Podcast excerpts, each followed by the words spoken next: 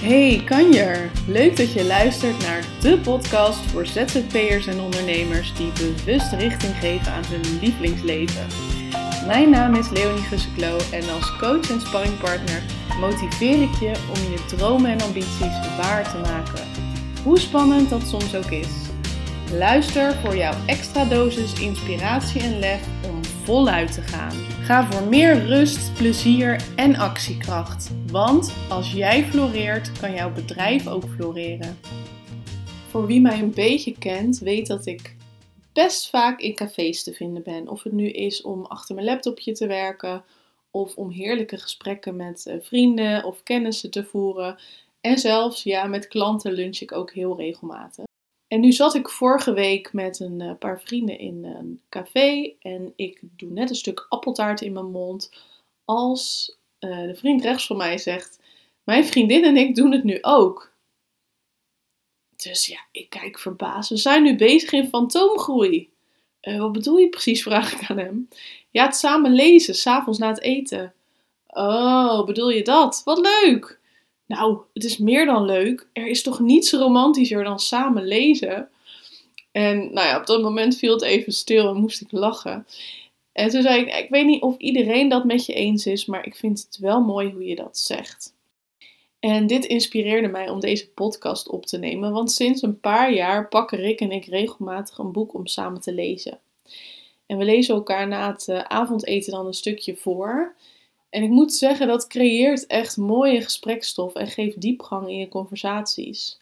Want, nou ja, je leert nieuwe dingen of je kijkt op een andere manier naar dingen en je reflecteert met elkaar op wat je gelezen hebt. En wat dat dan betekent voor je leven en je werk. En ik moet zeggen, soms is het nog wel een uitdaging om het juiste boek te vinden waar je op dat moment, uh, nou ja, allebei behoefte aan hebt. Want groei gaat niet zozeer parallel. Dus je bent op verschillende momenten of eigenlijk juist op hetzelfde moment met verschillende ja, thema's bezig. Maar een aantal toppers die we samen hebben doorgenomen zijn toch wel Awareness van Anthony de De Almanak van Naval Ravikant. En die is trouwens door iemand anders opgetekend, maar zo kun je hem wel vinden. Mijn boek van Smit en de Polder. En het vierde boek wat ik graag wil noemen is The Go-Giver van Bob Burg en John David Mann. Misschien zeg ik het verkeerd omdat het Amerikaans is, maar zo kun je het wel vinden. En dat laatste boek, dat heb ik er deze week weer eens bijgepakt. Want hier vlieg je echt in een ruk doorheen. Het is een inspirerend verhaal over de waarde van geven. En ik wil meteen even de gelegenheid aangrijpen om mijn oud-collega Daan Vree van de Hogeschool eh, te bedanken voor dit boek. En inmiddels heb ik het ook alweer aan een paar mensen cadeau mogen geven. Maar deze versie die blijft uh, zeker in mijn kast prijken. Want door middel van een mooi staaltje storytelling worden de vijf wetten van stratosferisch succes onthuld. Een dikke aanrader.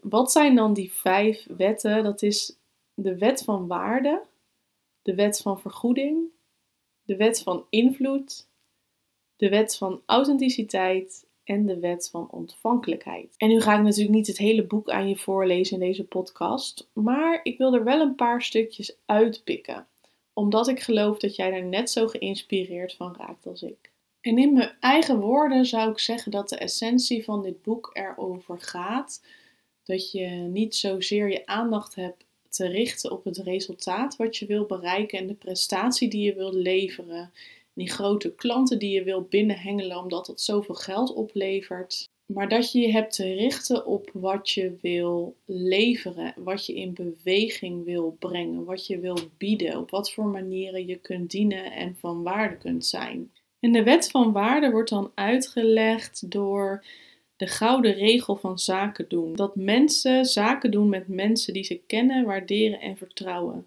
En dat je echte waarde eerder wordt bepaald door wat je geeft dan hoeveel je betaald krijgt. Dus als jij de verwachting van mensen weet te overtreffen, zullen ze je zelfs meer betalen. En het is echt een way of life. Dus het is niet zo berekenend van, joh, als ik meer geef, dan ontvang ik ook meer. Maar je bent er oprecht op gericht om die ander verder te helpen. En op die manier ben je ook wat minder met jezelf bezig en hoe het afstraalt op jou of jouw persoonlijk succes. Maar je bent er meer op gericht van: hé, hey, Hoe kan ik jou van dienst zijn en waar heb jij behoefte aan?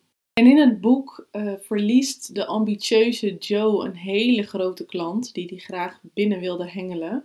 En normaliter zou hij daar heel erg van hebben gebaald en de hoorn op de telefoon hebben gesmeten. Maar nu beseft hij zich dat hij wel iemand wist die die klant dan beter kon helpen, beter kon voorzien van specialistische kennis waar die klant eigenlijk behoefte aan had. Hij legde de telefoon neer en staarde ernaar, terwijl hij even de weg kwijt was over wat hij zojuist had gedaan. Deze vent wijst me af, en wat geef ik hem daarvoor in de plaats? mompelde hij. Een goede deal aan de concurrentie geven? Jazeker, want daar is de wet van invloed.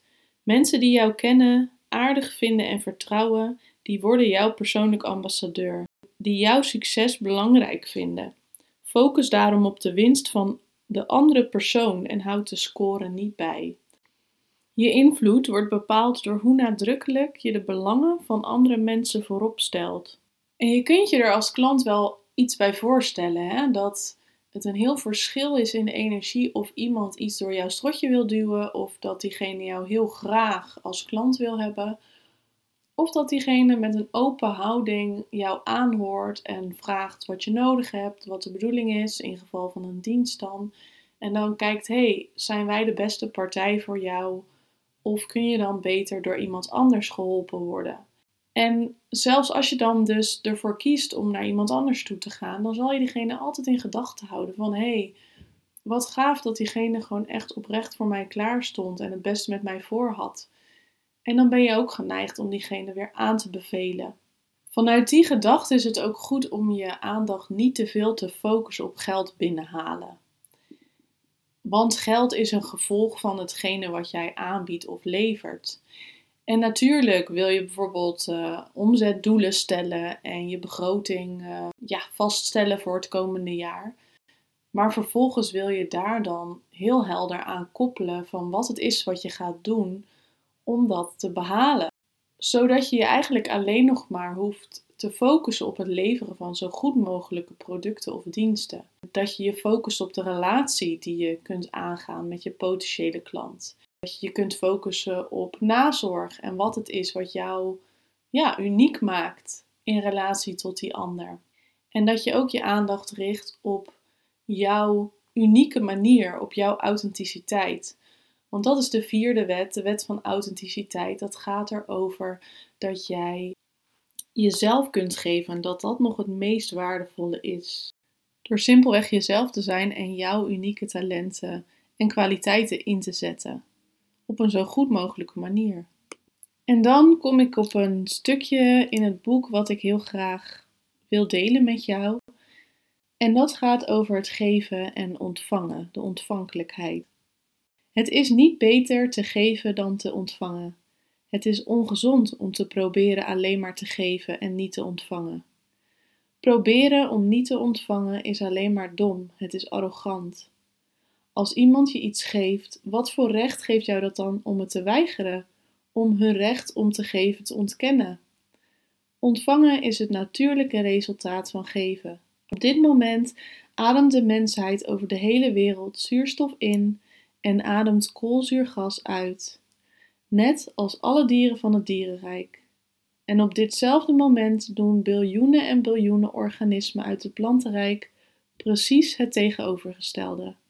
Zij ademen koolzuurgas in en ademen zuurstof uit. Hun geven is ons ontvangen en ons geven is hun ontvangen. In werkelijkheid is elk geven alleen mogelijk omdat het ook in ontvangst genomen wordt. Je mag je aandacht dus verleggen naar geven, maar wel goed in staat zijn om ook te ontvangen, zodat er uiteindelijk een mooie balans ontstaat. Wat ook betekent dat het misschien wel op een andere manier bij je terugkomt dan dat jij van tevoren zelf zou kunnen bedenken en dat je daar ook voor open mag staan.